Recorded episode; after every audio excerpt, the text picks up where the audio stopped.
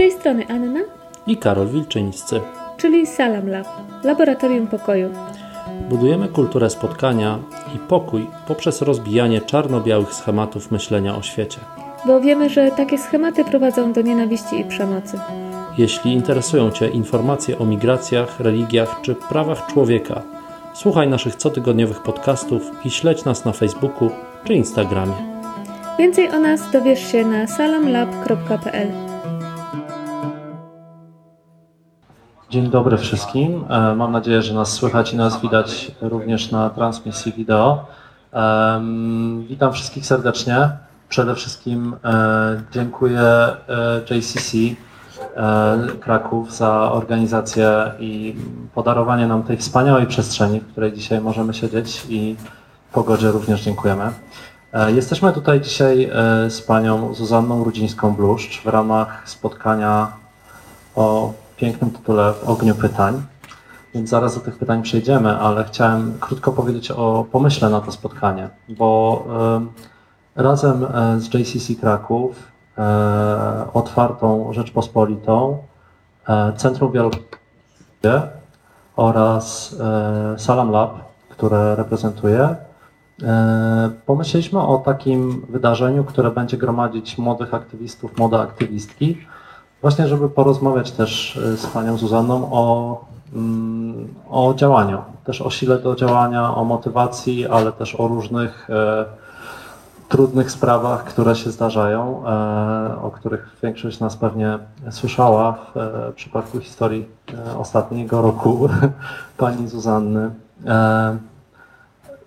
E, za dwa miesiące, pod koniec sierpnia, będziemy organizować hackathon dla młodych tutaj z Krakowa, który będzie miał na celu aktywizację e, młodych w temacie właśnie wielokulturowości i dyskryminacji. Sami wiemy, że starsze osoby, niestety ja chyba też już powoli się do nich zaliczam, nie mamy mm, powiedzmy y, dobrych pomysłów na to, jak stworzyć, jak robić wydarzenia na temat wielokulturowości, które będą angażować młodych nie tylko z Kazimierza czy z centrum dużych miast, ale również z peryferii, również tych, które, którzy mieszkają e, poza dużymi ośrodkami miejskimi.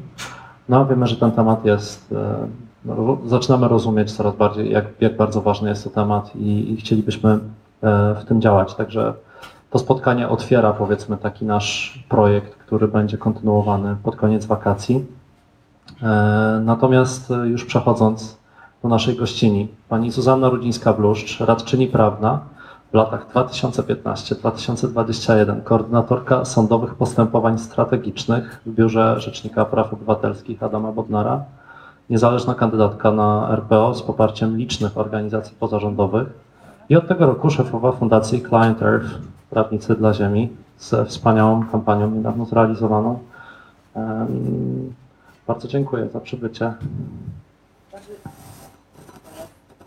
Pytań. O, świetnie, słychać mnie. Bardzo dziękuję za zaproszenie. E, Bardzo jest mi niezmiernie miło być w Krakowie z Państwem.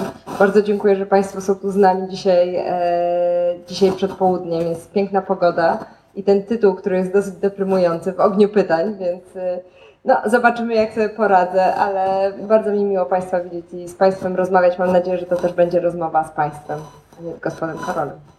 Tak, aczkolwiek e, podgrzewajcie w tym czasie e, ogień Waszych pytań, e, natomiast ja w międzyczasie zadam kilka z nich. I zacznę od tych kwestii, mm, no, w jakimś sensie osobistych też, bo, bo chciałem zapytać, może to brzmi dobrze, ale kariera aktywistki, tak? Kiedy się zaczęła?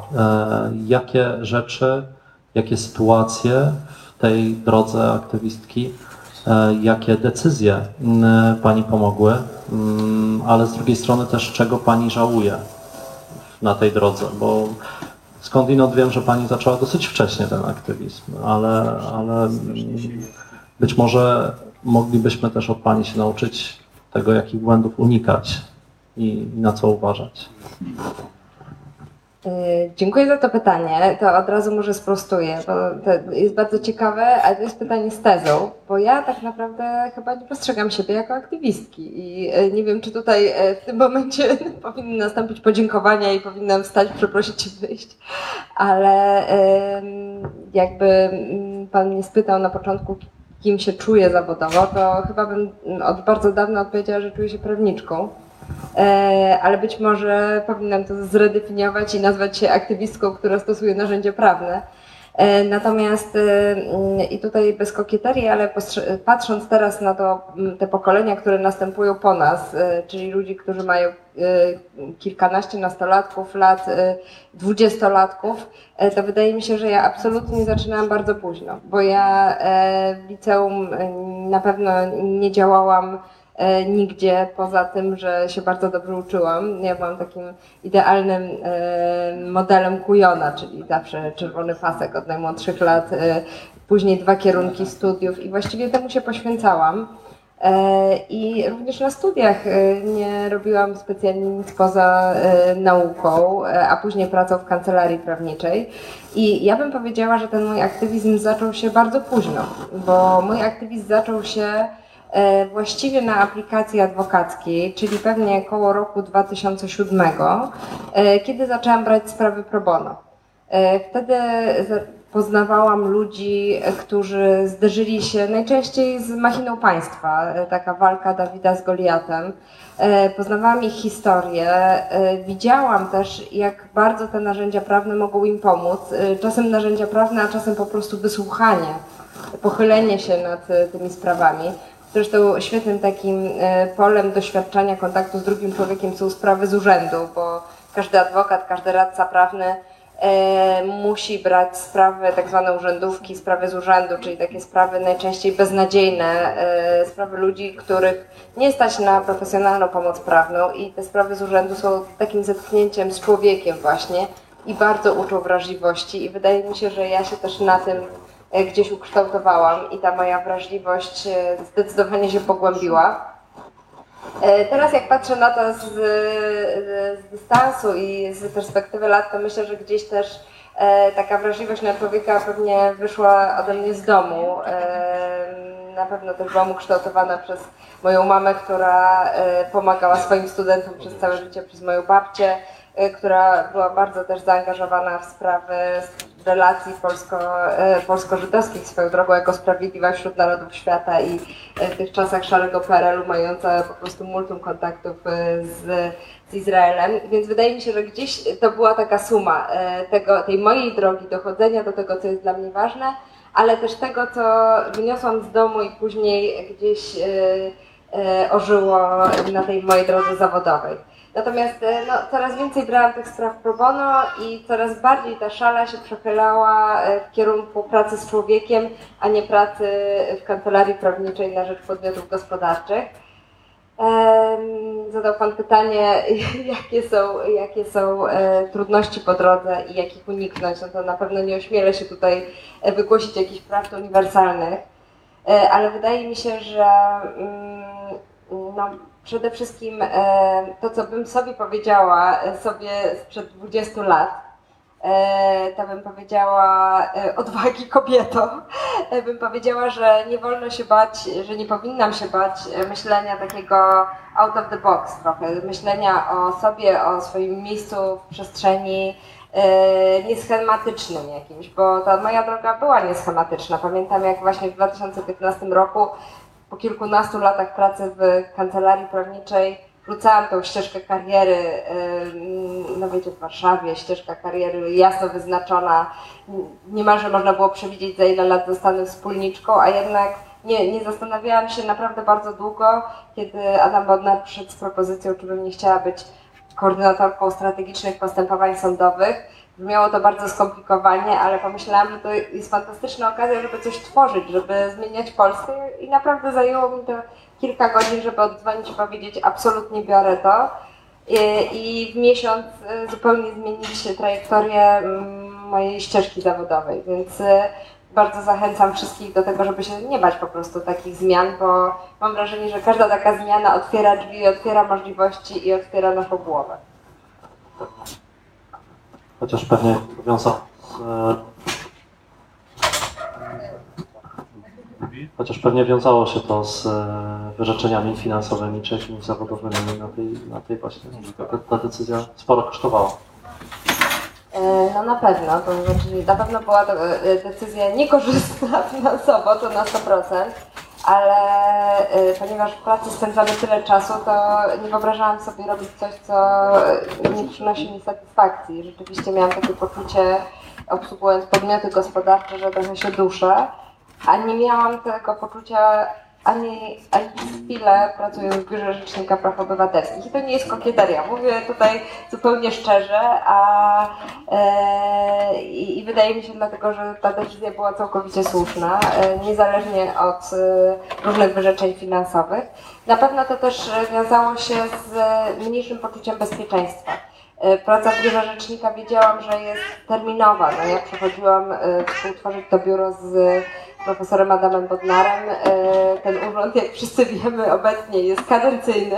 E, Kadencja trwa 5 lat. E, Od początku było wiadomo, że Adam Bodnar nie będzie ubiegał się o funkcję Rzecznika Praw Obywatelskich po raz kolejny, mimo że jest taka możliwość. On to zapowiedział jeszcze zanim został Rzecznikiem Praw Obywatelskich. Więc rezygnując z tej ścieżki w kancelarii prawnej, ja też musiałam sobie powiedzieć, jestem gotowa na pewną, znaczy na niepewność w swoim życiu zawodowym i, i podjęłam to ryzyko. E, Mówiła Pani o wrażliwości wcześniej. Jak rozumiem, ta wrażliwość wynika też z pewnego słuchania innych ludzi, nie tylko tych, którym się gdzieś tam pomaga czy wspiera, klientów, ale też e, dużo słuchamy ludzi, którzy e, nie zgadzają się z tym, co robimy. E, spotkamy, tutaj siedzi mnóstwo aktywistów, którzy mają to doświadczenie, że wracają do domu i jednak muszą tłumaczyć się z tego, że działają na rzecz osób dyskryminowanych, czy na rzecz mniejszości, czy na rzecz os- osób w jakiś sposób wykluczanych, czy prześladowanych. Zastanawiam się, skąd y, czerpać siłę, nie? nadzieję do tego, żeby w ogóle działać dalej, kiedy na przykład wracamy do domu i wujek mówi, no z tymi uchodźcami to trzeba zrobić porządek. Teraz mówię w bardzo oględny sposób. Y, jak też za, za, zachować tę motywację do bycia otwartym również na te głosy, bo podejrzewam, że nawet wśród klientów mogą się właśnie zdarzyć takie osoby, które są niewdzięczne, które no, nie, nie reagują w taki sposób, jak pewnie byśmy tego oczekiwali. Myślę, że jak tutaj siedzimy, to każdy ma swój sposób, żeby e, każdego dnia dalej robić to, co robi. E, Rzeczywiście dla mnie olbrzymim wyzwaniem czasem jest to, żeby mm, dalej działać na rzecz Polski, bo czasem często dostaje się panga w nos. Często e, już mamy nadzieję, że ta kropla wydrążyła skałę, a później okazuje się, że robimy 10 kroków wstecz, ale ja cały czas wierzę, że jednak też ze względu na historię, którą przecież wszyscy znamy, e, ta historia gdzieś jest, e, gdzieś powinna nas uczyć związków przyczynowo-skutkowych. Wierzę, że jednak cały czas wspinamy się po tej prostej, bardzo, e, e, która ma bardzo dużo werteb, zakrętów, czasem e, się cofamy, ale jednak jest to prosta, która idzie w górę, jeżeli chodzi o otwartość, jeżeli chodzi o poczucie bezpieczeństwa. No dla mnie miarą dobrego państwa jest to, jak to państwo traktuje ludzi słabszych, jak traktuje mniejszości. I, i ja to też staram się przekazywać w rozmowie z osobami e, inaczej myślącymi. E, Poza tym myślę, że mm, nie, nie jestem psycholożką, więc nie chcę nawet się silić na jakieś teorie, ale wydaje mi się, że e, za każdą gdzieś nienawiścią i takim fundamentalizmem kryje się jakiś lęk, jakiś lęk osobisty. Ja sobie przynajmniej tak to tłumaczę, w związku z czym staram się ten lęk rozbroić w takiej rozmowie jeden na jeden. E, I, I szczerze mówiąc, e, w takich spotkaniach właśnie indywidualnych, e, nawet jeżeli się różnimy, to jest dużo prościej rozmawiać pomimo różnic, rozmawiać z szacunkiem. Ja widzę większą trudność w pracy na rzecz właśnie Polski, Polek, Polaków, tak en masse, e, czyli, e, czyli po prostu naszego kraju, też w kontekście politycznym, bo e, jednak e, no, nasz kraj można oceniać na podstawie wyborów politycznych e, i wszyscy gdzieś e, no, dajemy świadectwo e, swojej dojrzałości demokratycznej podczas wyborów e, i, i, i to są momenty, w których czasem się załamuje, ale, e, ale wierzę, że naprawdę kropla drąży skałę i głęboko wierzę, że e, musimy czerpać z naszych doświadczeń historycznych i dlatego też e, jestem zwolenniczką kładzenia tej historii na stół, rozmawiania o niej i wyciągania wniosków. Jeżeli będziemy zakopywać ją pod dywan, to niczego się nie nauczymy. Tak, y, chyba już, y, chyba już Bardzo dziękuję za pomoc. Mówimy o historii Polski. Rozumiem, że dotyczy to głównie tej historii najnowszej też, w sensie tego, co e, może nie dotyczy osób, które teraz są na studiach czy w szkole, ale już trochę starszych, tak, a na pewno ich rodziców. Mm, W każdym razie mówiąc o Polsce, to jest taki wysokie C już, nie? Ale myślę, że dużo osób, które tutaj siedzą, e, jakoś mają w sobie takie, no można powiedzieć, uczucie patriotyczne, tak, że właśnie robią coś dla wspólnoty, coś dla, dla innych, e, również dla Polek i Polaków.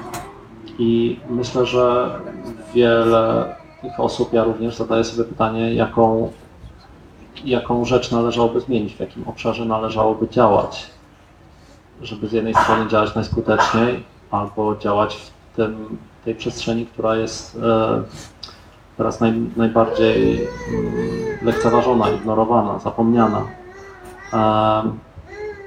Jakby miała Pani wskazać problem, z którym należy walczyć. Wiem, że Pani pracuje teraz w klientelze, więc wiadomo, że mogłaby Pani powiedzieć, no słuchajcie, ekologia e, czy, czy zmiany klimatyczne, ale tutaj myślę, że wszyscy wiemy mniej więcej, jak można wspierać e, tego typu działania, ale może bardziej konkretnie, może No, e, znowu muszę Pana zawieść, bo nie, nie wskażę jednego e, obszaru. Ja wierzę, że e, Polska się zmienia sumą naszych działań i e, absolutnie e, jak tutaj siedzimy, patrzę na Państwa, jest Państwa bardzo dużo. E, Wydaje mi się, że e, właśnie każdy ma jakieś supermoce w jakiejś swojej dziedzinie i jeżeli będziemy e, w tej dziedzinie e, działać, to ta Polska będzie z roku na rok się zmieniać na lepsze. To, co mnie interesuje osobiście, ja wiem, że to jest wysokie C, ale też ja się nie boję tego wysokiego C, bo e, e, no może pora jest wczesna, więc nawet nie będę mówić brzydkich wyrazów, ale chciałam powiedzieć do cholery. Nie może być to przestrzeń tego wysokiego C zagarniana tylko przez polityków. My, aktywiści, aktywistki, ludzie, którzy chcą zmieniać ten kraj, też mamy prawo do tego wysokiego C. Ja myślę, że to jest właśnie współczesny patriotyzm. I czy y, to będzie działanie na rzecz y, walki z kryzysem klimatycznym, czy to będzie budowanie lokalnej wspólnoty y, w kwartale ulic, w którym mieszkamy, czy to będzie y, wyprowadzanie psów w lokalnym schronisku, czy pomoc w domu seniora, to nie ma takiego znaczenia. Ważne jest, żebyśmy zakasali rękawy i w tych dziedzinach, w których mamy supermoce działali i nie bali się też tego, że tego wysokiego C, bo y, na koniec dnia y, mam wrażenie, że za rzadko się zastanawiamy, jaką wspólną Polskę chcemy mieć za te 5, 10, 15 lat. Y, To pojawia się co 4 lata w tych cyklach wyborczych, kiedy wtedy politycy ruszają w Polskę i chcą z nami nagle rozmawiać, ale na co dzień nikt nam tego nie zadaje pytania. I, i też ta, ten horyzont czasowy jest strasznie krótki, właśnie y, determinowany cyklami wyborczymi. A e, no, artykuł pierwszy Konstytucji Rzeczpospolita Polska jest dobrem wspólnym wszystkich Polaków. No, to, to, to jest nasze dobro wspólne, więc każdy, wydaje mi się, może e, i powinien do tego dobra wspólnego e, dokładać i otaczać tą Polskę e, jakąś czułością, tak mówię Olgą Tokarczuk, ale, ale ta czułość jest mi bardzo bliska. I jaki to będzie obszar, to myślę, że ma drugorzędne znaczenie. Każdy może ten swój obszar znaleźć. Ja rzeczywiście teraz zajmuję się walką z kryzysem klimatycznym. Fundacja Client Earth właśnie działa na rzecz środowiska i przeciwdziałania zmianom klimatycznym, ale tak naprawdę tych tematów, które nas łączą, a nie dzielą, jest dużo więcej i nie dajmy sobie ich zabrać. To też e, krótko rozmawialiśmy przed, że e, to jest coś, co akcentowałam w tej kampanii na Rzecznika Praw Obywatelskich, że jest dużo tych wspólnych obszarów. Tymi obszarami są właściwie wszystkie prawa obywatelskie, które mm, politycy, debata publiczna, te programy publicystyczne, wieczorne starają się przyciągnąć na tą czy na inną stronę, a tak naprawdę to jest nasz obszar. To jest nasz obszar, który możemy wziąć i e, budować e, wszyscy razem. Właśnie mówi Pani o tych wyborach i też wszyscy pamiętamy całą kampanię e, z Pani udziałem na, na jako kandydatki na rząd Rzecznika Praw Obywatelskich, która oczywiście osiągnęła pewne cele, ale ostatecznie nie została wygrana. Tak samo jak wybory prezydenckie zostały przegrane przez powiedzmy kandydata bardziej liberalnego. E, I ta polaryzacja w społeczeństwie jednak rośnie. Pani mówi o tym, że jednak szukać tych obszarów wspólnych. No ja się zastanawiam, jak można to zrobić. Nie? To znaczy, choćby nawet będziemy robić ten, ten projekt z młodymi kilkunastoma osobami, to będzie mały, lokalny projekt tutaj w Krakowie. I rozumiem, że tak, no, wyjdziemy do nich i gdzieś tam być może coś się uda w jakichś takich e, dzielnicach typu Kurdwanów, Nowa Huta i tak dalej, coś zrobić fajnego. No ale ostatecznie e, to jest wszystko za mało. To znaczy ja mam poczucie, że i instytucje publiczne, i fundusze, jakby środowisko NGO-sów, szczególnie to, które jest mi najbliższe, czyli to środowisko, które działa dla migrantów, dla cudzoziemców, dla uchodźców, zostało bardzo dotknięte zabraniem funduszy e, europejskich. Bardzo wiele organizacji po prostu albo przestało funkcjonować, albo zostały zamknięte. Jak w takiej sytuacji szukać obszarów wspólnych, skoro jednak wiele osób nie rozumie i tu nie chcę mówić druga strona, bo tych stron jest bardzo dużo. I to nie jest tak, że liberalna strona rozumie temat migracji, bo wydaje mi się, że też niekoniecznie. Ale mm, no jak w tej sytuacji e, szukać właśnie takiego s- sojuszów, szukać tych punktów wspólnych. Klimat wydaje mi się jednak troszkę bardziej, e, troszkę może prostszy w takim sensie, że jednak to jest bardzo namacalne, że jednak kryzys wodny, to już nawet nie chodzi o jakąś zmianę klimatyczną globalną, tylko rzeczywiście lokalnie to, e, to widać, że, że te zmiany są i że, że, że, że, że jest bardzo ciężko, ale, ale w takich sprawach, które no nie tylko migracja, ale no właśnie tematy wszystkie dotyczące światopoglądu, tak, to jest bardzo trudne.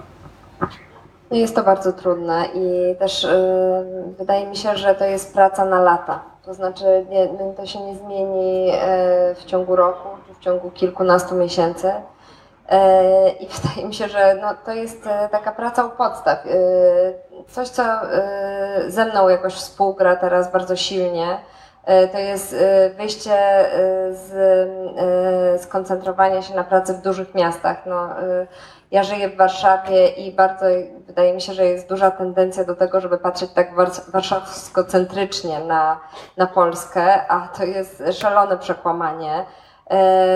W biurze rzecznika przez 5 lat Adam Bodnar wraz ze swoimi współpracownikami współpracowniczkami, w tym często ze mną, jeździł na tak zwane spotkania regionalne. I to były wyjazdy często, najczęściej do y, bardzo małych ośrodków, do miast powiatowych, y, omijaliśmy miasta wojewódzkie, gdzie po prostu spotykaliśmy się z ludźmi.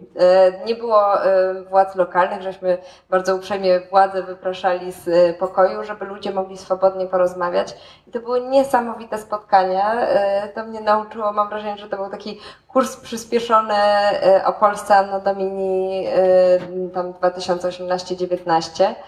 Y, I y, ta idea, żeby właśnie wychodzić z tych dużych ośrodków, żeby docierać do ludzi, żeby z nimi rozmawiać, żeby właśnie może rozbrajać ich lęki, też pokazywać swoją perspektywę, y, bardzo ze mną współgra. No teraz y, chcę to realizować rzeczywiście w kontekście kryzysu klimatycznego, ale wydaje mi się, że w każdym kontekście, także e, migracyjnym. Zresztą to są bardzo powiązane e, e, obszary, bo ze względu na e, ocieplanie się klimatu e, szacuje się, że będą milionowe migracje w 2050 roku, więc nie możemy od tego abstrahować. To, co, czego doświadczyliśmy w 2015 roku, to będzie mały pikuś, więc musimy przygotować na to społeczeństwo.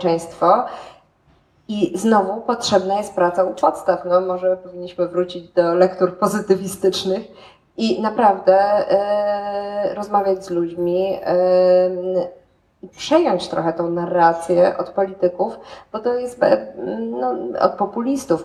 Myślę, że warto nazwać to po imieniu, e, bo pamiętam też spoty wyborcze z 2015-16 roku, które właśnie wykorzystywały temat tragedii ludzkich e, w celach politycznych i, i trafiały na żyzny grunt. W 2018 też Wy- Wybory samorządowe, oczywiście. Myślę, że to wymaga bardzo dużo poświęceń. I te lektury pozytywistyczne same w sobie są dużym No poświęceniem. tak, a plus jeszcze, przepraszam, bo y, y, Pan słusznie powiedział, co z finansowaniem, tak? Y, Wcześniej organizacje miały pieniądze na przykład ze środków unijnych, miały pieniądze z ministerstwa, teraz ich nie mają. No, ja nie rozwiążę oczywiście problemów finansowych i nie chcę Państwa zachęcać do takiej pracy porywania się z motyką na słońce, y, bo też y, nie jest tajemnicą, że w trzecim sektorze, w środowisku aktywistów i aktywistek jest ogromne wypalenie zawodowe y, i też trzeba dbać o swój dobrostan psychiczny w tym wszystkim. Natomiast y, z drugiej strony wydaje mi się, tak jak chodziłam wczoraj po Kazimierzu, to wydaje mi się, że te zmiany gdzieś są namacalne. Może one się nie przekładają na wyniki wyborcze, może właśnie ta fanga w nos y, co i róż jest nam dawana, ale Polska się zmienia, czy tego chcemy, czy nie. No, y, nawet y, widać to po największej liczbie marszów równości y, w zeszłym roku, w zeszłym roku czy dwa lata, nie, w zeszłym roku to był rok pandemiczny, to chyba dwa lata temu. No najwięcej marszów równości, bo gdzieś rzeczywiście ta kampania nienawiści w stosunku do mnie- mniejszości seksualnych odniosła przeciwny skutek i bardzo dobrze. Nasze społeczeństwo się zmienia. I, I myślę, że y, w 2030 roku będzie dużo bardziej otwarte, mimo y, różnych negatywnych zjawisk, z którymi mamy na co dzień do czynienia. I trzeba się tego trzymać. Super, bardzo dziękuję za ten powiew nadziei. Ale mam jeszcze jedno pytanie, które dostałem od e, właśnie znajomej aktywistki, która zresztą tutaj siedzi. Em, e, Ona poprosiła, żeby zapytać Panią o seksizm. To znaczy, jako kobieta z pewnością Pani doświadcza różnego rodzaju zachowań e, ze strony mężczyzn przede wszystkim, ale pewnie też kobiet w polityce, w organizacjach. Wydaje mi się, że może w NGO-sach jest trochę mniej tego, ale, ale jednak, no i na uczelni. Na Twitterze jest najwięcej. To, y, to było wspaniałe, naprawdę doświadczenie tych ośmiu miesięcy kandydowania. To, co o sobie usłyszałam, to perły poezji. Tak, no rzeczywiście, to, to mm, mogłabym też godzinami o tym mówić. E, no przede wszystkim rzeczywiście ta kampania na Rzecznika Praw Obywatelskich była niesamowita pod tym kątem, bo e, ta krytyka w social mediach e, koncentrowała się w dużej mierze, może nie głównie, ale w dużej mierze na tym, że jestem kobietą. No, jestem młodą kobietą, która bezczelnie, po prostu bezczelnie śmiała wyjść z cienia i jeszcze mówić własnym głosem. Więc e, oceny właśnie od e, moich nóg po moją twarz, e, poprzez to, że moje dziecko po prostu siedzi samo w domu i, i, i tam jest moje miejsce, no to w setkach, w setkach dziennie można było liczyć, więc na pewno, na pewno tutaj płeć miała znaczenie. Na pewno też ja się spotkałam z, nie może w NGO-sach, ale w kancelariach prawniczych z taką wysublimowaną wersją seksizmu, z takim szklanym sufitem, który nie istnieje oczywiście oficjalnie, y, ciężko go uchwycić, ale jednak no, sprawy sądowe, które przychodziły do kancelarii, kancelarii były rozdzielane jakoś w gabinecie e, szefa, gdzie chłopaki w moim wieku e, palili cygara z szefem i pili whisky, a ja w tym czasie mm, szłam do domu, no bo nie specjalnie mnie to interesowało i jakoś później dostawałam najgorsze sprawy. Ja i moje koleżanki, więc to jest taki bardzo nieuchwytny seksizm, e, ale, ale jednak on funkcjonował.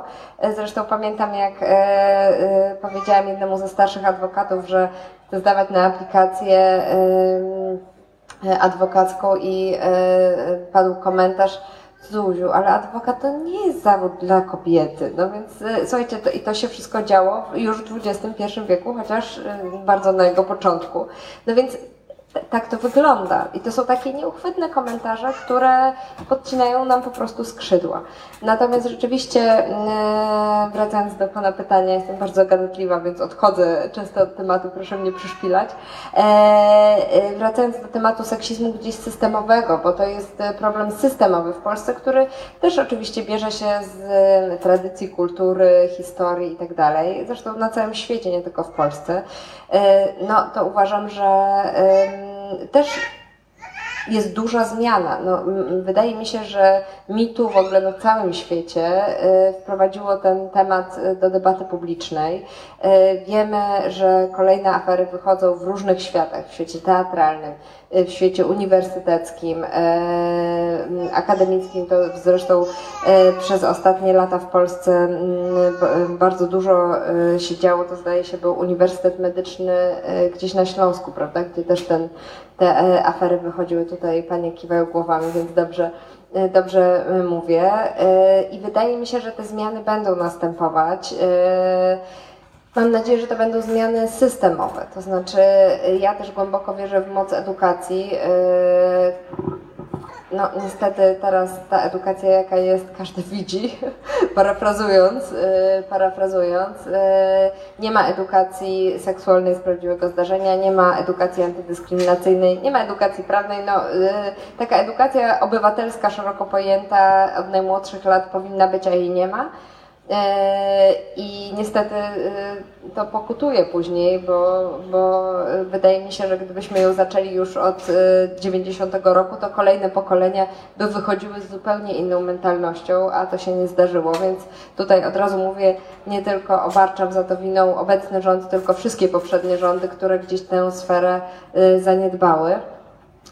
Natomiast e, no, wydaje mi się, że bardzo dużo w rękach e, władz uczelni, na przykład, bo e, spytał Pan szczególnie o środowisko akademickie i te zmiany, no ja obserwuję, co się dzieje na Uniwersytecie Warszawskim, więc te zmiany zachodzą bardzo powoli, ale zachodzą, powstają kolejni koordynatorzy do spraw antydyskryminacji, wprowadza się procedury antydyskryminacyjne, gdzieś pewne rzeczy już nie uchodzą, pewne rzeczy są obciachem, no, panel bez kobiet, każdy właściwie panel bez kobiet jest już hejtowany i słusznie.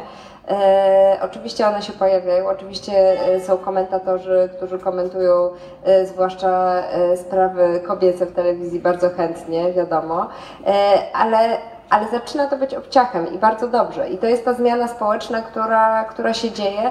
Wydaje mi się, że mitu e, na przykład w Stanach Zjednoczonych poszło dużo dalej niż w Polsce. W Polsce to jednak też było no, bardzo takie środowiskowe i mam wrażenie naskórkowe, ale jednak, e, ale jednak ta zmiana, e, ta zmiana zachodzi. No, też e, to jest dla mnie fascynujące zjawisko w Polsce feminatywy, czyli te końcówki żeńskie.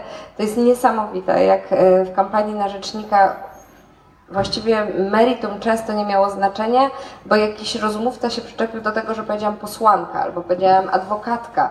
Yy, Coś, co dla mnie no, nie ma takiego znaczenia. No, każdy może się określać, każda może się określać jak chce. Też jak yy, jakaś kobieta mówi, że jest profesorem, a nie profesorką, to w ogóle mnie to nie razi. No, yy, wydaje mi się, że to yy, jest indywidualne podejście, natomiast to, jakie emocje budzą feminatywy, zresztą widać to po debacie w parlamencie, robi na mnie wrażenie. Z drugiej strony, za chwilę będzie czas na pytania, także mam nadzieję, że jesteście gotowi i gotowe. Ale em, chciałem jeszcze zapytać o strajk kobiet, bo to był też taki ruch, który towarzyszył jakby Pani kampanii w sumie, w sensie to się działo w podobnym czasie. E, I wczoraj właśnie rozmawialiśmy też o tym, że, że właściwie niewiele z tego zostało. Zostało to doświadczenie, które bardzo często bardzo młodzi ludzie mają jako pierwszy taki akt protestu czy akt wyjścia na ulicę.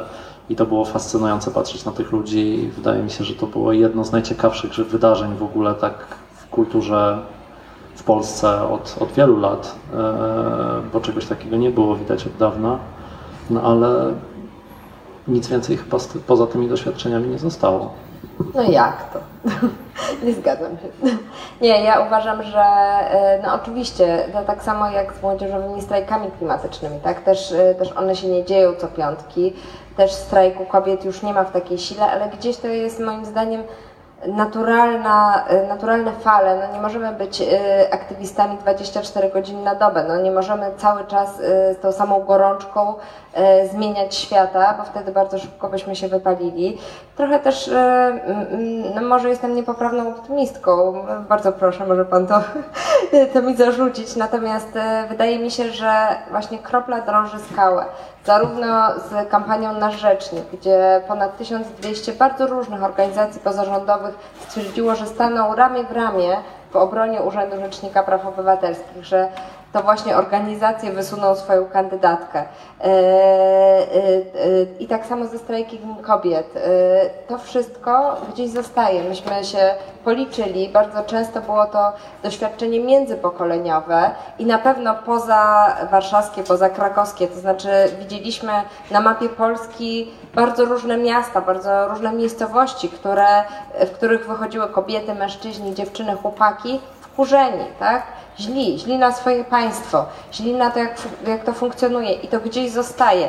Ja jestem dobrej myśli mm, yy, i nie chciałabym, żeby była potrzeba, żeby ci ludzie ponownie wychodzili na ulicę, ale wiem, że gniew, wkurzenie, y, żeby nie powiedzieć y, mocniej, jest często bardzo silnym motorem zmian i ten gniew gdzieś jest y, w społeczeństwie i on może, może wrócić, a ludzie mogą wrócić na ulicę.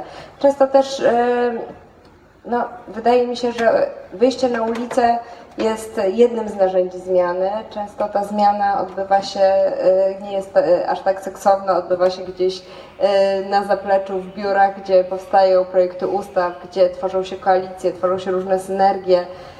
I wydaje mi się, że to cały czas się dzieje.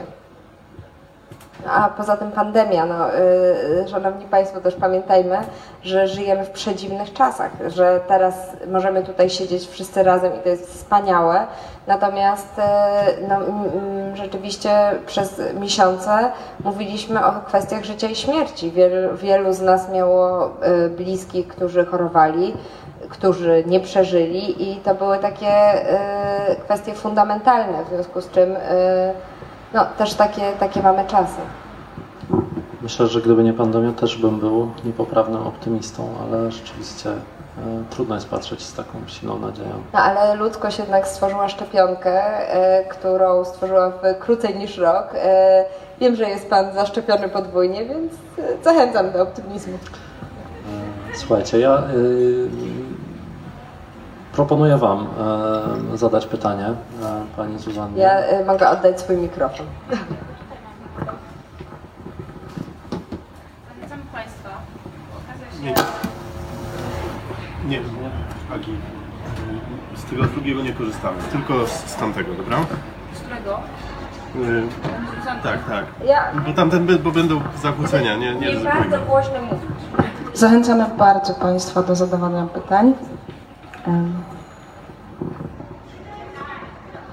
Dzień dobry.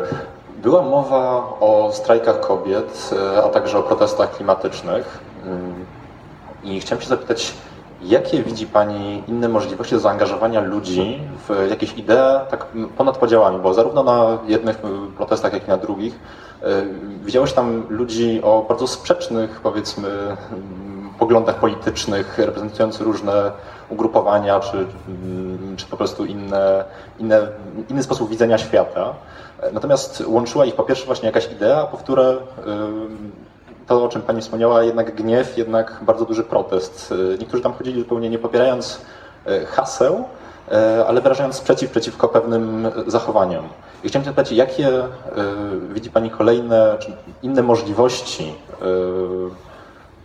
zaangażowania ludzi w dane działanie, czy to będzie protest, czy, czy coś innego, łącząc, e, łącząc inne poglądy, łącząc e, inne podejście do świata. E, Co można z tym zrobić, żeby to się nie kończyło właśnie na protestach, tylko jak dane zaangażowanie ludzi można obrócić w konkretne działanie późniejsze? Tak, tutaj słychać? Świetnie. E, No, wydaje mi się, że możliwości są niemalże nieskończone, no bo tak jak mówiłam, e, dla mnie takim do, obszarem, który nie jest tej czy innej partii i nie powinien być zagarnięty, są właściwie wszystkie prawa obywatelskie, a w Konstytucji no, poświęcony jest im cały rozdział drugi, więc ich jest bardzo dużo. E, e, Rzeczywiście jest tak, że e, tu chciałam dwie poboczne uwagi powiedzieć, skoro już mam mikrofon. Pierwsza jest taka, że rzeczywiście na strajki kobiet widziałam, chodziły moje koleżanki, które nigdy nie były zaangażowane. Wydawało się, nas polityka nie interesuje. No, pewnie Państwo też macie, sami tacy jesteście, albo macie takie osoby w swoim otoczeniu. A jednak ta polityka weszła gdzieś z butami do ich żyć. E, Były to koleżanki, które nie chodziły na żadne manify, nie angażowały się, a jednak wyszły z tego wkurzenia, bo ich to dotknęło osobiście. Więc jest to znowu ta zmiana, to doświadczenie, które już one mają i wydaje mi się, że ono jest do powtórzenia w przyszłości. E, A z kolei też patrzę z olbrzymim podziwem na młodzieżowy strajk klimatyczny, na to właśnie pokolenie y, nastolatków i wczesnych dwudziestolatków, którzy zupełnie inaczej podchodzą do spraw, które y, ich poruszają, czyli do tego kryzysu klimatycznego, nie wpisując się w te kolei, kolejny naszych sporów potransformacyjnych. No bo moje pokolenie, y, co by nie mówić, y, jest tak jedną nogą jeszcze w, przy olbrzymim szacunku i nabożeństwie do matek i ojców transformacji. Trochę czeka w kolejce na to, żeby móc mówić własnym głosem.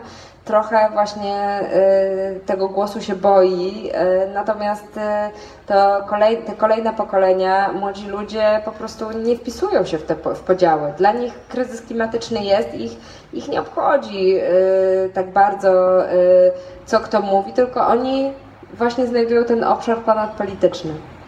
Natomiast spytał Pan, jakie są jeszcze takie obszary i pomyślałam sobie o fundacji, y, innej fundacji, w której też działam, y, y, której byłam współzałożycielką, Fundacja Nowej Wspólnoty, która zajmuje się dialogami wspólnotowymi. I jest to takie doświadczenie jechania właśnie do mniejszych miejscowości i rozmawiania na tematy, które zgromadzeni ludzie, e, którzy zechcą wziąć udział w takim dialogu, sobie wybiorą, więc to nie jest temat narzucony z góry, e, ale temat, który ludzie wybiorą. Często są to tematy, e, że tak powiem, z jedynek gazet, no bo gdzieś ludzie tym żyją i chcą o tym rozmawiać. I to jest takie doświadczenie rozmawiania pomimo różnic, rozmawiania e, o tym, co ważne, ale też nie z pozycji właśnie politycznych, tylko takich ludzkich. E, I gdzieś wykładania na stół tych naszych obaw, naszych poglądów i umiejętności różnienia się, a jednak rozmawiania na ten temat. Więc no, to jest tylko jeden przykład z obszaru, bo ja, no, oczywiście naszym marzeniem by było przeniesienie tej debaty na poziom gdzieś krajowy, ale jest to tylko jeden z obszarów, który, e, który pokazuje, jak wiele jest takich działań e, i e, jak bardzo duże są potrzeby tych zmian. E, No, wydaje mi się, że rozmowa, taki dialog e, powinny być kluczowym narzędziem. I ja wiem, że rozmowa często może zmienić poglądy jednej osoby, a przecież mamy 38 milionów. Ale wyobraźmy sobie, że każdy, jak tutaj siedzimy, porozmawia w najbliższym miesiącu z pięcioma osobami inaczej myślącymi i już ta zmiana gdzieś e, się mnoży. E,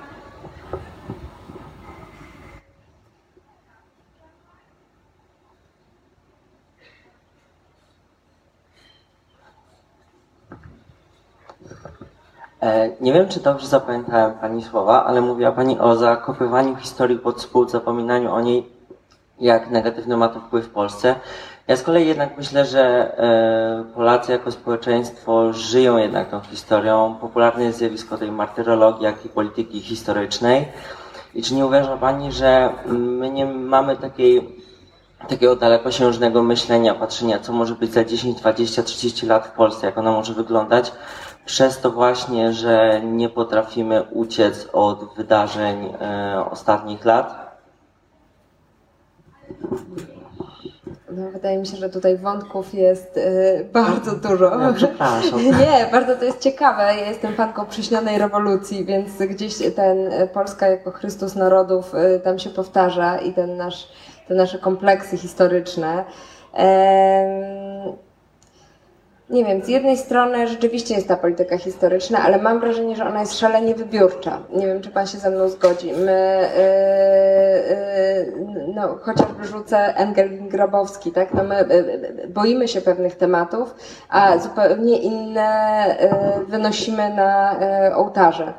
I wydaje mi się, że jako społeczeństwo powinniśmy nauczyć się rozmawiać e, też o tych ciemnych kartach z historii i je przerobić. Chociaż one są, ale każdy naród takie ma. No, e, zobaczmy, jak to było robione w tym świecie Europy Zachodniej, wielkich potęg e, kolonialnych, które przecież mają strasznie dużo za uszami, a jednak o tym się mówi w szkołach, jednak o tym się rozmawia.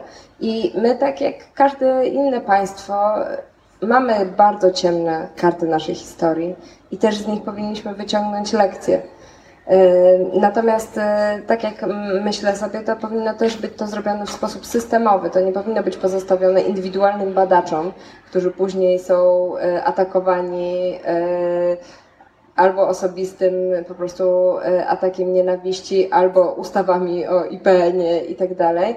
Natomiast to powinno być w sposób systemowy zrobione znowu w procesie edukacyjnym. Yy, I, i, I wydaje mi się, że to jest wielkie zaniedbanie yy, i, i taka lekcja do odrobienia przez Polskę. No to nie wiem, czy odpowiedziałam na Pana pytanie. E, Natomiast, natomiast wydaje mi się, że to jest bardzo wybiórcze i, i rodzi szalone emocje. Szalone emocje. Przecież to jest e, ta historia, tak jak Polska teraz. Tak, to Pan mówił, że Polska jest spolaryzowana, z czym wydaje mi się, wszyscy się zgadzamy. I ta historia nagle zaczyna też być spolaryzowana. No, no niemalże żołnierze wyklęci versus, y, nie wiem, powstanie warszawskie. To wszystko, wszystko jest ideologizowane, a tak naprawdę powinniśmy zrobić trzy kroki wstecz i potrafić o tym porozmawiać y, bez takich emocji y, i wyciągać wnioski. Bo jakoś, y, no nie wiem, mój dziadek walczył w powstaniu warszawskim i nie przeszkadza mi powiedzieć, że to powstanie warszawskie było bez sensu i gdzieś przyniosło olbrzymie koszty dla nas jako narodu. I, i nie, nie czuję, że ja uderzam teraz w, że przestaję być patriotką, że jestem mniej patriotką, że, że, że szkaluję Polskę. No, I takich obszarów jest przecież multum.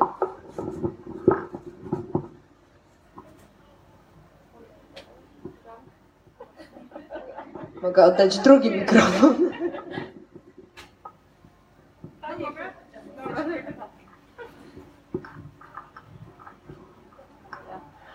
E, Dzień dobry. Ja chciałam zapytać o to, o czym tutaj w sumie dużo Pani mówi, czyli o tej potrzebie rozmowy, e, bo no ona się wydaje takim dosyć podstawowym środkiem do tego, żeby nawiązać w ogóle jakieś porozumienie. Natomiast mam pytanie dotyczące tego, jak rozmawiać z osobami, które mają drastycznie inne poglądy i które są zamknięte na tę rozmowę. W jaki sposób próbować właśnie nawiązać z nimi tę nić porozumienia i w jaki sposób próbować mm, rozmawiać z nimi o rzeczach, które dotyczą nas wszystkich, na przykład jak katastrofa klimatyczna, ale tego jest o wiele więcej jeszcze oczywiście, E, nie wiem, chociażby prawa pracownicze i tak dalej. E, W sytuacji, w której mm, wiele z tych tematów jest e, zaprzęgniętych do, do jakiejś właśnie walki politycznej i wiąże się od razu właśnie w świadomości i przekonaniu tej drugiej osoby z poparciem jakiejś frakcji politycznej.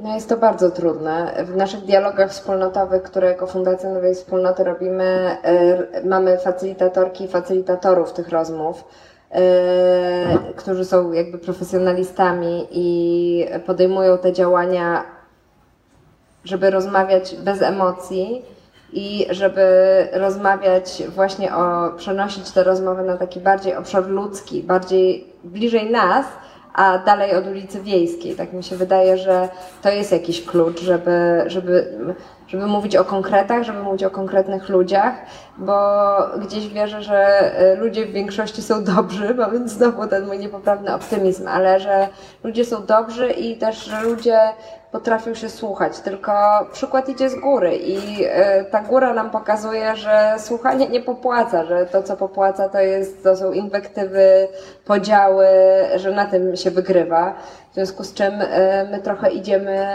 pod wiatr, więc to jest rzeczywiście bardzo ciężkie, no ale wierzę, że y, takie przeniesienie na taki bardzo indywidualny poziom tej rozmowy, yy, rozmawianie przykładami, no to co tutaj yy, Pan wspomniał, bardzo dziękuję na początku o ostatnich pozwach, które wniósł, wniosła fundacja, którą teraz reprezentuje Client Earth. To są pierwsze w Polsce pozwy klimatyczne, czyli indywidualne osoby, Pozywają Skarb Państwa reprezentowany przez szereg ministrów o to, że Polska nie podejmuje adekwatnych działań w walce z kryzysem klimatycznym, czyli nie, nie ma zadeklarowanej daty neutralności klimatycznej, nie redukuje y, emisji CO2 i tak dalej, i tak dalej. I dlatego y, też y, y, zaangażowane są w to indywidualne osoby, bardzo różne, z całej Polski, żeby pokazać że to dotyczy nas wszystkich, żeby właśnie zejść z tego poziomu takiej y, y, polityki, żeby to nie była woda na młyn i tego czy innego obozu, tylko żeby pokazać, że, że to dotyczy także ciebie, no, y, przysłowiowego ciebie, żeby pokazać, że wysychająca pilica, czy zagrożenie pożarami nad Biebrzą, y, czy y, susza rolnika z Warmii może dotknąć każdego z nas, więc wydaje mi się, że zejście na ten poziom niżej jest y, jakąś drogą do rozwiązania, natomiast przyznam, że to wobec czego ja się czuję gdzieś bezradna, to jest taki poziom nakręconej nienawiści. I to jest, to rzeczywiście podcina strasznie skrzydła. I to było też no, takiej głupiej nienawiści, no bo chyba nie ma innego słowa. Yy, To też y, mnie bardzo zaskoczyło w kampanii na Rzecznika Praw Obywatelskich, że yy, ta nienawiść czasem jest no tak właśnie bezsensowna, głupia, ślepa, yy, że, że strasznie współczuję ludziom, którzy muszą wieść bardzo nieszczęśliwe życia, skoro znajdują tyle jadu w sobie. Natomiast e, później myślę, że rzeczywiście ten przykład idzie z góry i wtedy myślę, że zmiana powinna być systemowa, żeby nie było tego przykładu w dalszym ciągu, bo on zatruwa serca. Dzień dobry. E, Mam wrażenie, że e, koleżanka zadała bardzo podobne pytania do tego, które sama planowałam zadać E, i chciałam się odnieść do, do tej rady, którą Pani proponowała, żebyśmy wychodzili do ludzi, porozmawiali z pięcioma osobami o innych poglądach, licząc właśnie na to, że te, ta, ta, no troszkę inne, inne podejście będzie się szerzyć. E, Być może, y, może ma Pani dla nas takie światełko w tunelu i przykład, gdzie, gdzie właśnie rozmową, e, rozmową też udało się e, Pani wypracować z kimś jakieś nowe, nowe podejście dla tej osoby do, do, do świata, do życia. No bo, bo akurat ja niestety nie mogę się pochwalić takim, takim przykładem. Wydawało mi się ostatnio, że nawet bardzo banalny, banalny przykład, czy Olga Tokarczuk szkaluje Polskę, czy nie szkaluje. Miałam długą dyskusję na ten temat. Wydawało mi się, że doszliśmy do porozumienia. Fantastycznie, mamy grunt, okej, rozumiemy się. E, mija tydzień, a ja wracam do punktu wyjścia, w którym nie, nie, nie, Olga Tokarczuk to szkaluje jednak tę Polskę. I Może przez ten tydzień coś zrobiła.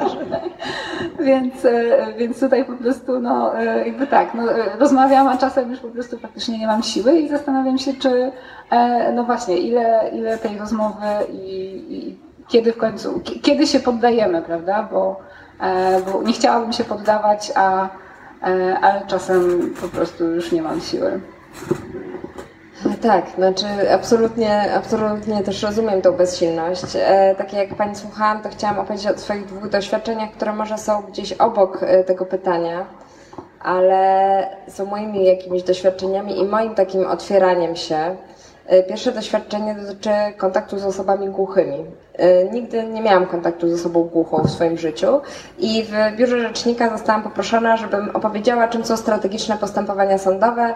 Też bardzo nam zależało, żeby wziąć taką sprawę, czyli taką jedną przykładową sprawę e, dyskryminacji osoby głuchej, żeby pokazać e, i wzmocnić to środowisko e, i pokazać te narzędzia prawne tej społeczności i, i też uwrażliwić nas w debacie, nas wszystkich w debacie publicznej na problemy osób głuchych. I uświadomiłam sobie, że ja w ogóle nie wiem, po pierwsze mówiłam głuchoniemi wtedy, że w ogóle nie wiem, kim, do, na kogo mam patrzeć, czy mam patrzeć na tłumaczkę, czy mam patrzeć na uczestników, którzy są głusi. Jakoś tak wewnętrznie się potwornie spięłam i wtedy wzięła mnie koleżanka z zespołu równego traktowania. Powiedziała, dobra, Rudzińska, uspokój się, ja ci powiem, jak, y, jak y, rozmawiać z osobami głuchymi. I to był ten gdzieś mój lęk przed, y, przed tym, że bardzo nie chciałam kogoś urazić, ale też lęk przed nieznanym, przed tym, że się boję tego kontaktu. E, I tak sobie pielęgnuję to wspomnienie, bo też poszłam na to spotkanie i powiedziałam o tym na, na wstępie. I gdzieś mam wrażenie, też właśnie e, wtedy się- się dowiedziałam, że nie, mówi, nie powinniśmy mówić głuchoniemi, bo przecież jest język migowy, który jest językiem i się mówi głusi. I, i gdzieś takie jest we mnie to doświadczenie innego, spotkania z innym, tak? które, które jest bardzo aktualne i wydaje mi się, że no oczywiście nie w przypadku Olgi Tokarczuk nie możemy naszej noblistki wykorzystywać do spotkań z każdym w Polsce, który uważa, że szkaluje Polskę, ale e, takie doświadczenie z tą innością wydaje mi się, że też może przynieść zmianę i te serca gdzieś otworzyć i zobaczyć że tak, no, no nie wiem, dojść do tego rdzenia człowieczeństwa, że tak naprawdę wszyscy gdzieś e, jesteśmy bardzo podobni, mamy bardzo podobne pragnienia. E, I mówiłam o dwóch doświadczeniach. A, drugie doświadczenie e, to też jest z Biura Rzecznika Praw Obywatelskich. Znowu ono nie jest, nie dotyczy taki, takiej debaty e, indywidualnej, e, polaryzującej w Polsce, ale dotyczyło zjawiska patostreamingu. Nie wiem, czy Państwo wiecie, co to jest patostreaming, teraz już wszyscy wiedzą, natomiast jak, e, czyli takie filmiki na żywo w internecie, które są niezwykle wulgarne, bardzo często brutalne i na tym patostreamerzy zarabiają.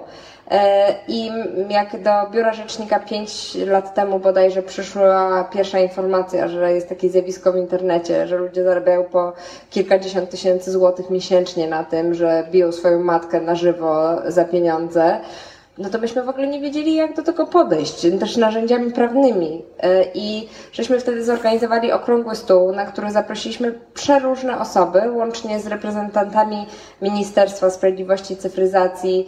E, Dodam, że przedstawiciele ministerstw w ogóle niechętnie e, przyjmowali zaproszenia z Biura Rzecznika, ale jednak teraz przyjęli. Byli przedstawiciele Google'a, Facebooka, byli policjanci, prokuratorzy, ps- psycholodzy i jakoś nagle w tym gronie e, stworzyła się taka atmosfera pracy nad e, zjawiskiem, a nie pracy politycznej. I wydaje mi się, że e, no, znowu widzę, że ta dzisiejsza dyskusja i bardzo fajnie krąży wokół tego, co jest wspólne, wokół rozwiązywania problemów. Może nie skupiajmy się na tym, żeby przekonać y, y, tą osobę, czy Olga Tokarczuk szkaluje, czy nie szkaluje, tylko na koniec dnia zastanówmy się, co razem pozytywnego możemy zrobić w jakimś obszarze, który nas nie dzieli. I być może z takiej wspólnej pracy na, w tym obszarze em, wyjdzie coś dobrego, a, y, i wyjdzie też umiejętność rozmowy, y, tak mi się wydaje.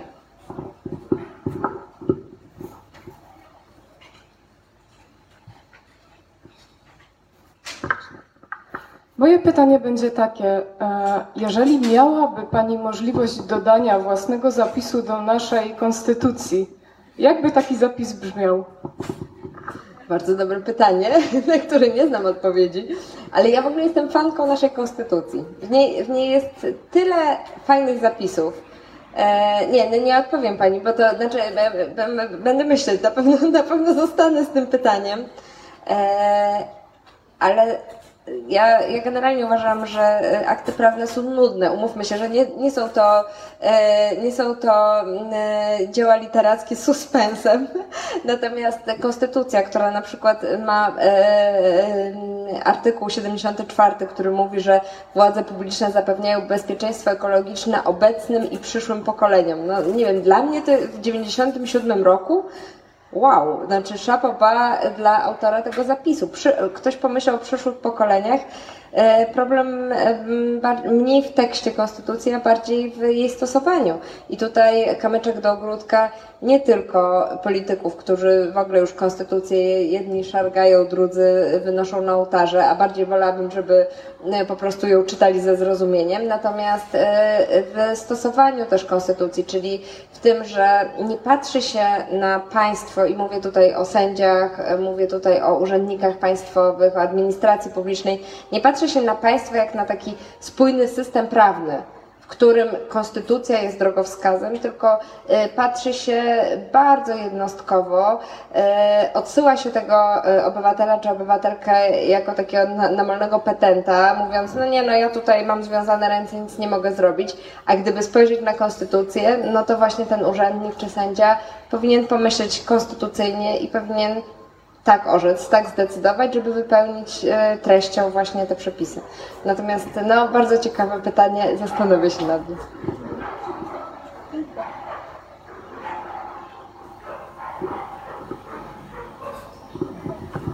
E, Ja chciałam zapytać, bo mówiła Pani o zjawisku polary- polaryzacji. Dzień dobry. E, Czy widzi Pani szansę w tym, żeby właśnie tak słuchając odpowiedzi na różne pytania, ale ten te- temat się przewijał, e, że zamiast właśnie usilnie próbować rozmawiać, e, żeby dojść do porozumienia w obszarach konfliktu, e, pracować właśnie na tej szarej strefie bez polaryzacji, żeby dochodzić do rozwiązań kierunkowych. Czy widzi Pani dokładnie w tym jakby mm, nadzieję na to, żeby po prostu te konflikty z czasem załagodzić. Tak mi się wydaje. To trochę y, poruszyłyśmy w, te, w tej odpowiedzi na y, y, pytanie w, od y, Pani. Y, Tak, tak rzeczywiście jest. No, y, rzeczywiście wydaje mi się, że jak staniemy w ramię w ramię będziemy mieć te doświadczenia pracy na rzecz, y, na rzecz zmiany jakiegoś wycinka rzeczywistości, y, symbolicznej y, kamienicy, w której wszyscy mieszkamy razem i musimy urządzić wspólny ogródek. Y, no jest to bardzo symboliczne, a jednak y, pokazuje, że da się, tak? że da się zadbać o to otoczenie wspólnego budynku, w którym mieszkamy, a skoro to możemy zrobić razem, to możemy to rozszerzać na inne obszary. Ja mm, wierzę, że właśnie być może trzeba zacząć od takich bardzo drobnych spraw, jak y, sprzątanie kupy po własnym psie, albo dostrzeżenie sąsiadki, która być może ma jakieś problemy, albo y, dzieci za ścianą cudze płaczą za głośno i powinniśmy się zainteresować i później rozszerzać to, rozszerzać to nasze zainteresowanie e, publiczne coraz bardziej. No i tutaj będzie bardzo wysokie C i tutaj e, się spojrzę na Pana, no żeby ten budynek e, nagle się przerodził w naszą ojczyznę, tak, żebyśmy wszyscy zaczęli o nią dbać.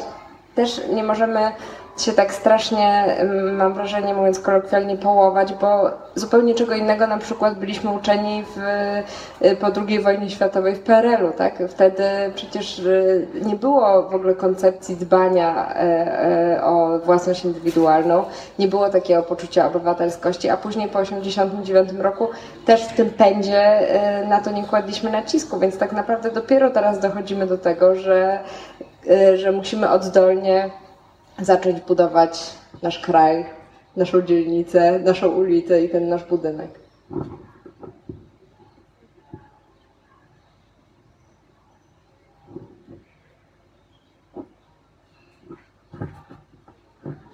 E, Dzień dobry. Chciałam się zapytać właśnie em, to, to, o czym Pani mówiła z Fundacją e, Nowa Wspólnota i co robicie i właśnie, że Państwo wychodzą do ludzi i gromadzicie różne e, ludzi z e, różnymi poglądami. I właśnie tutaj było pytanie, co już robicie, jak macie tych ludzi e, przy stole, czy nie, nie, nie wiem jak to wygląda, ale właśnie chciałam Cię zapytać, jak em, zachęcać ludzi, żeby przyjść do stołu? I, I właśnie jakie narzędzia e, Państwo jako fundacja mają, żeby, żeby jednak e, zgromadzić ludzi różnych poglądów? Bo to jest, myślę, że też trudne. Tak, bardzo fajne pytanie. Rzeczywiście, my szukamy takich miejsc, które są spolaryzowane, więc e, szukamy e, właśnie takich miejsc, żeby nie rozmawiać między sobą, poklepać się po plecach, e, utwierdzić się, jak jest źle i wyjść. Natomiast szukamy miejsc spolaryzowanych, potransformacyjnych, z jakimś konfliktem wewnętrznym, nie wiem, popegierowskich i tak dalej. E, Na przykład e, mieliśmy taki dialog w Sieradzu, no i wtedy tak już zupełnie technicznie, operacyjnie odpowiadając Pani, szukamy tak zwanych gate- gatekeeperów, czyli ludzi, którzy e, są w różnych społecznościach w tym mieście i mogą do tego stołu, o, mogą do tego stołu przyprowadzić różne osoby. I bardzo się staramy, żeby właśnie to były różne osoby pod y, wieloma aspektami i wiekowym, i płciowym, y, i edukacyjnym, i poglądowym. y, I ci gatekeeperzy nam w tym pomagają, bo oczywiście my tych społeczności nie znamy i to nie jest tak, że, że po prostu z ulicy bierzemy ludzi, którzy nam na oko wyglądają na różnych, natomiast rzeczywiście staramy się tam dojść przez tych gatekeeperów.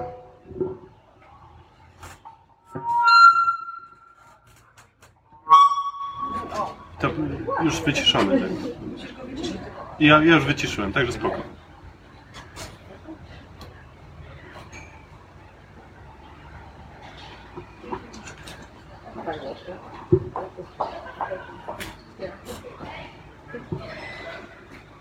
Włączone? E, Dzień dobry. E, jestem z Rzeszowa, także tak się już przyznaję. Ostatnio na ustach. Właśnie, to tak, tak mi się skojarzyło, jak Pani mówiła o tym nowej fali takiej nadziei, to może jakoś tak się zaczęło na południu. E, Mnie bardzo, mm, tak, nie wiem, taka refleksja i trochę, e, może pytanie, bardzo mnie poruszyło to zdjęcie, które było takie e, popularne Pani siedzącej na ziemi i tak e, wtedy się zastanawiałam, e, co Pani musi czuć i jak Pani w ogóle sobie radzi z tym, z tą sytuacją całą i e, co Pani pozwoliło jakoś tak zachować taką pogodę ducha i taki też uśmiech e, przez ten czas. E, Czy jak Pani teraz ocenia to doświadczenie? E, Tak wydaje mi się, no, z perspektywy tak, kobiety, to musiało być bardzo trudne. Aczkolwiek no może nie, może jakoś Dziękuję. Na, na, znaczy na pewno łatwo nie było, ale y, miałam wspaniałych ludzi wokół siebie i wydaje mi się, że y, to zawsze jest niezwykłą pomocą, że się nie działa w pojedynkę, tylko że mm, jakoś niesamowicie, no, ja podjęłam decyzję, żeby kandydować na zaproszenie Katarzyny Batko-Tołć z Watchdog Polska pod koniec lipca, czyli zaraz mija rok. E, I szczęśliwie zaraz być może będziemy mieli nowego rzecznika praw obywatelskich po roku. E, Natomiast i rzeczywiście nagle pojawiło się wokół mnie mnóstwo wspaniałych ludzi, którzy powiedzieli, czym mogę Ci pomóc. Tak? Taka jest moja supermoc, taka jest moja supermoc i jakby te osoby były wokół mnie, były ze mną po swoich pracach, e, kosztem też często swojego czasu wolnego, e, czasu z rodziną e, i mnie wspierały, więc wydaje mi się, że to jest coś, co pozwoliło mi to przetrwać. Gdybym miała sama stać na tym ringu, to, to bym po prostu nie chciała i na pewno bym dużo wcześniej zeszła. Natomiast rzeczywiście to zdjęcie, e, to co mnie bardzo uderzyło w tym zdjęciu, to te hejterskie komentarze, że to była ustawka. E, Konia z rzędem temu, kto, kto nie usiadł na tej podłodze. Po sześciu godzinach e, odpytywania na Komisji Sprawiedliwości i Praw Człowieka, bo to dokładnie działo się rano 6 godzin, a założyłam takie niewygodne szpilki, szare, pamiętam. I naprawdę 6 godzin e, najpierw byłam rano na tej komisji i później pędem do Sejmu na drugą stronę ulicy e, i tam rzeczywiście, uwaga, mówię to i to jest e, publicznie dostępne również na Facebooku, nie ma krzeseł w pobliżu e, sali plenarnej E, i, i, tak, tak jest, taka jest prawda, bo później się pojawiały zdjęcia jakichś bocznych korytarzy w Sejmie, gdzie jest mnóstwo krzeseł. No oczywiście przy szatni również są krzesła, ale ponieważ miał być głosowany punkt dotyczący mnie, ja chciałam być na tej sali plenarnej. E, Wtedy poseł Krzy- Krzysztof Śmiszek chciał wprowadzić mnie na mm, galerię, e, natomiast strażnik nie pozwolił. I ja si- siadłam, rzeczywiście zmęczona, i na komórce oglądałam relacje z posiedzenia za ścianą e, na sali plenarnej, chcąc wiedzieć, co tam się dzieje. No po prostu, bo, bo Sejm miał głosować punkt dotyczący mnie osobiście, więc tak sobie myślałam wtedy, że i to e, nie była ostentacja, ale myślałam wtedy, że ja bym chciała jako obywatelka, żeby e, każdego kandydata, kandydatkę na urząd konstytucyjny ktoś na przykład w tym Sejmie powitał. I to nie chodzi mi o czerwony dywan, ale żeby ktoś powiedział, dzień dobry, witamy, kawa, herbata, może pani poczekać e, w tej sali albo w tamtej sali. I oczywiście byli posłowie, którzy zapraszali do swoich e, pokojów e, klubowych, natomiast to nie o to chodzi. Ja jestem niezależną kandydatką, obywatelską kandydatką, która przychodzi jako obywatelka do swojego parlamentu. I ja bym chciała, żeby był ktoś, kto się mną zaopiekuje jako kandydatką na urząd konstytucyjny, tak jak ktoś przychodzi do mojego domu i ja go witam, tak? I, i, i, i właśnie proponuję mu kawę, herbatę, więc em, to rzeczywiście mnie zdenerwowało wtedy. Ale tak bardziej jako obywatelkę, nie jako kandydatkę, bo mi tam korona z głowy nie spada, jak widać poradziłam sobie świetnie, mimo bolących nóg. Natomiast o, o to chodzi, ale też swoją drogą a propos seksizmu, komentarze kobiecie nie przystoi. No to rzeczywiście liczne komentarze kobiecie nie przystoi siadać na podłodze. No więc tym dżentelmenom mówię, no panowie, wypada przynieść krzesło. Zapraszam następnym razem.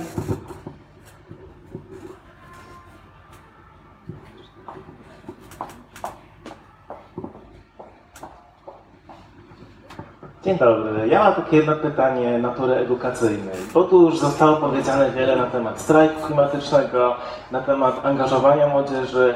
E, Bardzo się cieszę, że wiele osób też e, doszło do takiego jednego wniosku, że warto rozmawiać o rzeczach wspólnych. Ja też myślę, że rozmawianie o tak zwanych uniwersaliach jest najbardziej, e, jedną z najbardziej kluczowych metod znalezienia wspólnego porozumienia.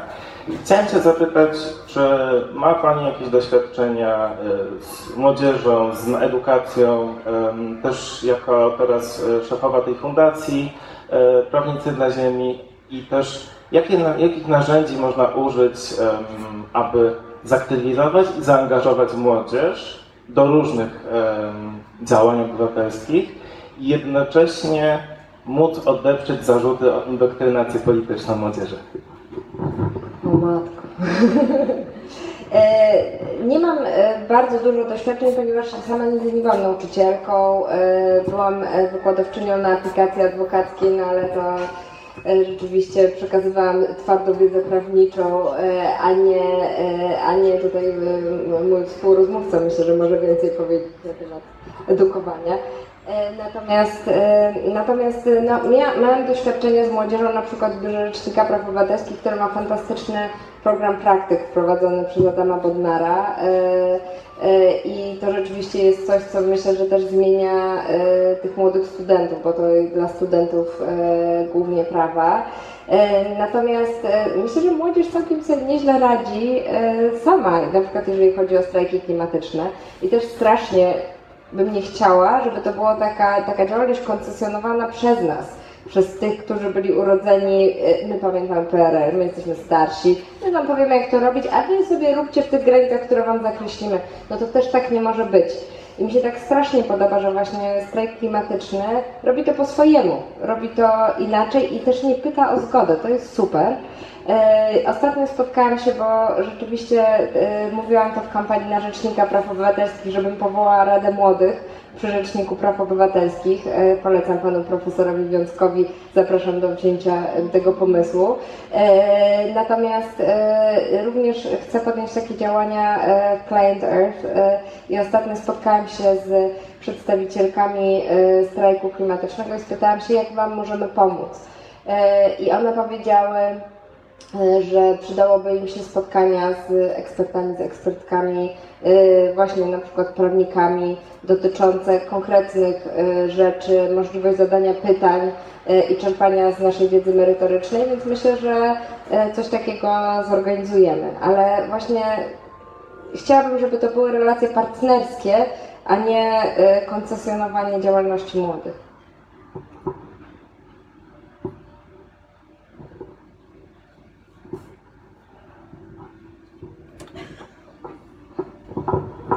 Czy na pewno nie ma już żadnych pytań? Bo zdaje się, że jeszcze chwilkę mamy. Ja sobie pomyślałem, że zadam troszkę takie nudne pytania na koniec, ale mm, nudne nie dla mnie. E, może dla innych, ale mm, słuchaliśmy właśnie o historii, o ojczyźnie, o powstaniu warszawskim nawet słyszeliśmy. Mm, I cały czas miałem taką refleksję, że tak, ta historia nie może być zamiatana pod dywan, nie może być, e, musi być przepracowana. To znaczy, rzeczywiście jest tak, że e, wiele krajów e, nie wiem, Europy Zachodniej, na zachód od nas, przepracowało sobie w jakimś stopniu trudną historię II wojny światowej, tego co było po niej. Chociaż oczywiście też się z tym zmagają, Mm, nawet w takich krajach, jak rozmawialiśmy o Szwecji, nie? też przeżywają różne tematy, które gdzieś się tam pojawiały cały czas. E, ale nie chowają tego pod dywan, tak jak u nas. U nas to się przykrywa właśnie tym sosem żołnierzy wyklętych i, i jakąś taką bogoojczyźnianą retoryką mm, i kłótniami o Olgę Tokarczuk. Mm, Natomiast e, brakuje mi bardzo spojrzenia w przyszłość. To znaczy, jak się pójdzie właśnie na ten strajk kobiet, pójdzie się na strajk klimatyczny, pogada się z tymi młodymi, ja mam poczucie, że to, to nie chodzi tutaj o przykrywanie pod dywanem, tylko oni po prostu w ogóle to jest dla nich nieciekawe. Nie? W ogóle rozmawianie o II wojnie. Czasami mam też poczucie, że może za to zapłacić, e, no, czy mogą za to zapłacić naprawdę ważne tematy typu zagłada. Nie? To też widać właśnie w krajach Europy Zachodniej, gdzie zagłada Żydów powiedzmy nie była aż tak obecna w przestrzeni, w kulturze e, powojennej, e, gdzie, gdzie już się zapomina o obecności Żydów, e, którzy tam żyli, którzy zginęli. W każdym razie, jakby abstrahując taki długi komentarz z pytaniem, nie wyłączajcie mi mikrofonu, ale mm, myśląc o tym, myśl- myślę właśnie o tym, że z jednej strony musimy wybiegać w przyszłość i tę przyszłość budować, i z drugiej, jak Pani mówiła o tym, o tym zdjęciu e, podstawowym i tym zachowaniu, mm, w jakimś sensie skandalicznym. Mimo wszystko ja tu o wiele bardziej chyba przeżyłam niż Pani w takim razie, ale mam takie poczucie z drugiej strony, e, że to nawet nie wynikało z jakiejś złej woli, tylko z takiego właśnie polskiego niechlujstwa. Że to jest właśnie takie, że się w ogóle o tym nie myśli, że jak się idzie do tych instytucji publicznych, czasami też NGO-sów, czasami właśnie dostaniemy grant w organizacji, no to już się tak wygodnie rozłoża, już, już nie dbamy tak bardzo, już tak się nam nie chce walczyć, no bo przecież walczyliśmy o te pieniądze, walczyliśmy o, o, o, o to, żeby coś organizować. Już to mamy, to już sobie tak wygodnie siedzimy i przestajemy no, działać, nie? I jak sobie radzić właśnie też w takim kontekście organizacyjnym, bo Pani działa już na wielu różnych polach, nie tylko w trzecim sektorze. Właśnie chciałem zapytać o takie protipy, wskazówki dotyczące organizacji. Jak to robić, żeby mobilizować ludzi wokół siebie, motywować ich do tego, że, żeby właśnie patrzyli w przyszłość, żeby widzieli, że tu nie chodzi tylko o zdobycie tego grantu, czy tam właśnie zrobienie jakiegoś projektu, e, żeby się nie dawali też bardzo trudnej rzeczywistości właśnie związanej z instytucjami publicznymi, nie tylko państwowymi, bo też miejskimi. Myślę tutaj o Karolinie, która też zadała wcześniej pytanie, z którą robimy Centrum Wielokulturowe w Krakowie i też się zderzamy z różnymi rzeczami i po pół roku działania ja mam bardzo dosyć, nie? Tak, no poruszył Pan bardzo dużo wątków, tak, że staram się zapamiętać moje myśli. E, no przede wszystkim mam wrażenie, i to e, nie jest w odpowiedzi na Pana ostatnie pytanie, ale to wcześniej, że generalnie ludzie reprezentujący instytucje w Polsce bardzo rzadko ma poczucie odpowiedzialności za tę instytucję. Czyli idziemy do urzędu i pani urzędniczka mówi, ale ja nie mogę. No ale ja, więc ja się wściekam, a on mówi, ale dlaczego pani ma do mnie pretensje? Przecież ja wykonuję polecenie. No bo pani jest dla mnie, reprezentuje pani dla mnie jakąś instytucję, reprezentuje pani dla mnie urząd. I to nie tylko chodzi o instytucje publiczne, tylko w ogóle, prawda, że, że ludzie nie utożsamiają się ze swoim miejscem pracy, ze, swo- ze swoim nie, nie chcą, żeby to doświadczenie człowieka z tą instytucją było jak, jak najlepsze. E, Nie wiem z czego to wynika. Być może z tego, że, że właśnie nie lubimy swoich prac, nie lubimy swojego, e, swoich, swojego miejsca pracy i nie chcemy, żeby ono było postrzegane jakoś tak, tylko jesteśmy na takim odcinku 8-16. No, to, to jest bardzo smutne. Natomiast e, i tutaj odpowiadając już bezpośrednio na to pytanie, myślę sobie, że w ogóle rzadko, i to chyba już mówiłam, nikt nam nie zadaje tego pytania i też my sobie sami go nie zadajemy, na przykład jakiej Polski chcemy za 10 lat. No, jakoś w ogóle nie jesteśmy zapraszani do tej dyskusji. Czy Pan zadaje pytanie, to, to jest strasznie ciekawe swoim studentom, swoim uczniom, jak widzicie Polskę Anno Domini 2035? I myślę, że na początku takie zniechęcenie, ale później wierzę, że wszystkich, wszystkich poniosą wodze wyobraźni. I to jest fantastyczne pytanie. No jak tutaj siedzimy, myślę, że moglibyśmy rozmawiać ze sobą 6 godzin i każdy by miał jakieś marzenia co do te, tej wizji Polski. I to samo można na mniejszą skalę robić w organizacji. Ja wiem, że ta rzeczywistość nas przytłacza, no bo teraz nie będę mówić, no bo puśćcie wodze fantazji w Centrum Wielokulturowym i tak dalej. E, Jak macie na co dzień macie ludzi, którym trzeba zapłacić, macie e, wnioski grantowe, które trzeba rozliczyć i czasem człowiekowi ręce opadają. Natomiast e, po pierwsze wydaje mi się, że właśnie realizujmy swoje marzenia trochę. Ja, ja ma, mm, jak myślę sobie na przykład o fundacji, którą teraz reprezentuję, to, to mam kilka marzeń, gdzie możemy pójść, gdzie, jakie powództwa możemy wnieść, e, e, jak możemy właśnie współpracować z młodymi i chcę realizować te marzenia. To powoduje oczywiście, że mój dzień pracy trwa bardzo długo i nie jest zgodny z kodeksem pracy, ale jednocześnie e, po prostu mam dużo satysfakcji z tego, no bo gdzieś właśnie realizuję swoje, swoją wizję, swoją wizję zmiany małego wycinka rzeczywistości. A z drugiej strony coś, co mnie napędza, to szukanie takich nieoczywistych synergii. To znaczy nie, że usual suspect angażujemy, że pewnie tak samo jest w Krakowie, jak i w Warszawie i w wielu innych miejscach, że y, na protestach, przy różnych akcjach spotykają się te same osoby, czy to dotyczy tej mniejszości, siamtej mniejszości, y, czy takiej aktywności. No trochę tak, tak jest. Ale szukanie takich synergii nieoczywistych, angażowanie nowych ludzi, zapraszanie ich do współpracy, szukanie synergii między różnymi podmiotami, różnymi NGO-sami. Myślę, że to, to, to jest bardzo inspirujące i że możemy się nawzajem od siebie uczyć, zwłaszcza, że z tą współpracą w Polsce też nam tak średnio wychodzi, więc myślę, że to też jest taki obszar, który można gdzieś e, trenować.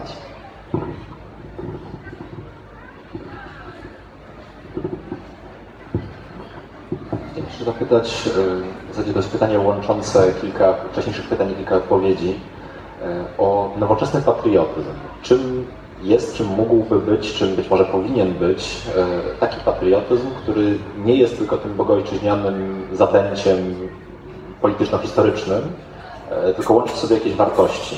Czy dałoby się, Pani zdaniem, tą wizją, y, o której Pani mówiła, tej na przykład dbałości o wspólny ogród, wspólny dom, y, symboliczny oczywiście, mm, przekonać y, dbałość na przykład o klimat, o, o również inne mniejszości, czy o osoby z danych mniejszości, które są elementem tej, tej naszej wspólnej ojczyzny, czy taką wizją dbania o ten wspólny dom da się przekonać osoby, które patriotyzm raczej widzą historycznie jako, e, jako jakąś taką zdolność do poświęceń, e, zginięcia Powstaniu Warszawskim, tego typu e, być może nieaktualnych już wartości. Oczywiście ważnych, ale, ale nie XXI-wiecznych. E, Wie Pan co, akurat e, dotknął Pan tematu, który jest bardzo aktywny w mojej głowie, ponieważ mam sześcioletniego syna. Sobie myślę, właśnie myślę często o tym, jak, jak mogę go wychować, jak e, wraca z przedszkola i, i śpiewa jakieś takie pieśni z, z I wojny światowej legionowe, to sobie myślę, bo Matko Święta. No mat, jakby i, i, i strasznie, i, i też śpiewa tę wersję pana prezesa z ziemi e, e, e, polskiej do włoskiej również hymnu. Więc, e, więc e, i to jest straszne, bo, bo, mi, bo mam e, takie, takie, odrzucenie, a strasznie bym nie chciała mieć odrzucenia na symbole narodowe. I myślę sobie o tym, czym jest e, ten nowy patriotyzm, więc rzeczywiście dotknął Pan takiego tematu, który jest bardzo, bardzo żywy we mnie. Ale myślę sobie, i to zupełnie tak opowiadając na szybko, myślę, że odpowiedzią jest e, to, co powiedział Marian Turski, e, czyli e, 11 przykazanie nie bądź obojętny. I trochę chyba to, tym jest dla mnie patriotyzm. To znaczy, znowu, jak tutaj siedzimy i jakbym zadała Wam wszystkim pytanie, co Was wkurza, co, was, co, co byście zmienili w Polsce, to, to by wy- wyszła świetna mapa tego, co w Polsce trzeba zmienić i, i wtedy po prostu, no to, to, to zmieniajmy te obszary i, i, i, chyba, i chyba to jest dla mnie y, brak takiej obojętności i chęć, chęć zmiany. Bardzo i, i te, i te e, obszary można bardzo skalować, bo jak mówię, to może być bardzo mały wycinek rzeczywistości. Ale jak takich wycinków będzie dużo, to gdzieś ta zmiana, zmiana też będzie dużo większa. Tak, tak sobie to tłumaczę, natomiast nie wiem, co zrobić z symbolami narodowymi. E, Jest mi przykro, że nie świętuję Dnia Niepodległości, ale mam taki odrzut, mówiąc zupełnie szczerze, że no nie wiem. Ale i też, i też myślę, że Unia Europejska dużo zmieniła, bo y, gdzieś te granice, te państwa narodowe, one nie nikną, oczywiście dobrze, natomiast y, ten patriotyzm się jakoś rozszerza, prawda? Ten nasz dom się rozszerza, nagle, nagle ten nasz świat się staje większy.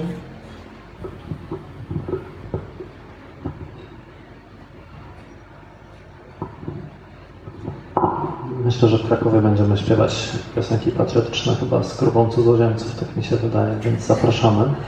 Będzie troszkę przyjemniej niż w Warszawie, podejrzewam. Ja chciałam tylko powiedzieć, że moi pradziadkowie są na cmentarzu rakowickim, więc nie jest tak, że ja nie mam tutaj żadnych korzeni. tym bardziej zapraszamy. Może w JCC. Zobaczymy. E, Słuchajcie, bardzo, bardzo dziękuję za wszystkie pytania i za tę rozmowę i proszę o gorące brawa i podziękowanie za Pani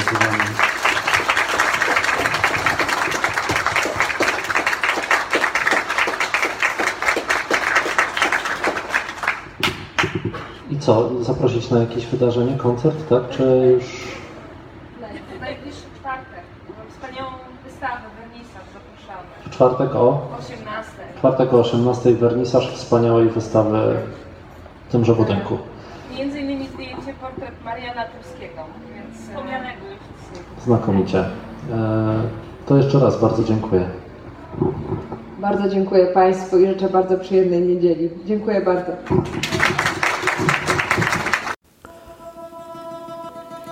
Nasze rozmowy powstają wyłącznie dzięki naszym darczyńcom. Dołącz do naszych patronów i patronek na patronite.pl ukośnik Salam Lab i buduj pokój razem z nami. Autorem muzyki do naszego podcastu jest Wasim Ibrahim. Dziękujemy.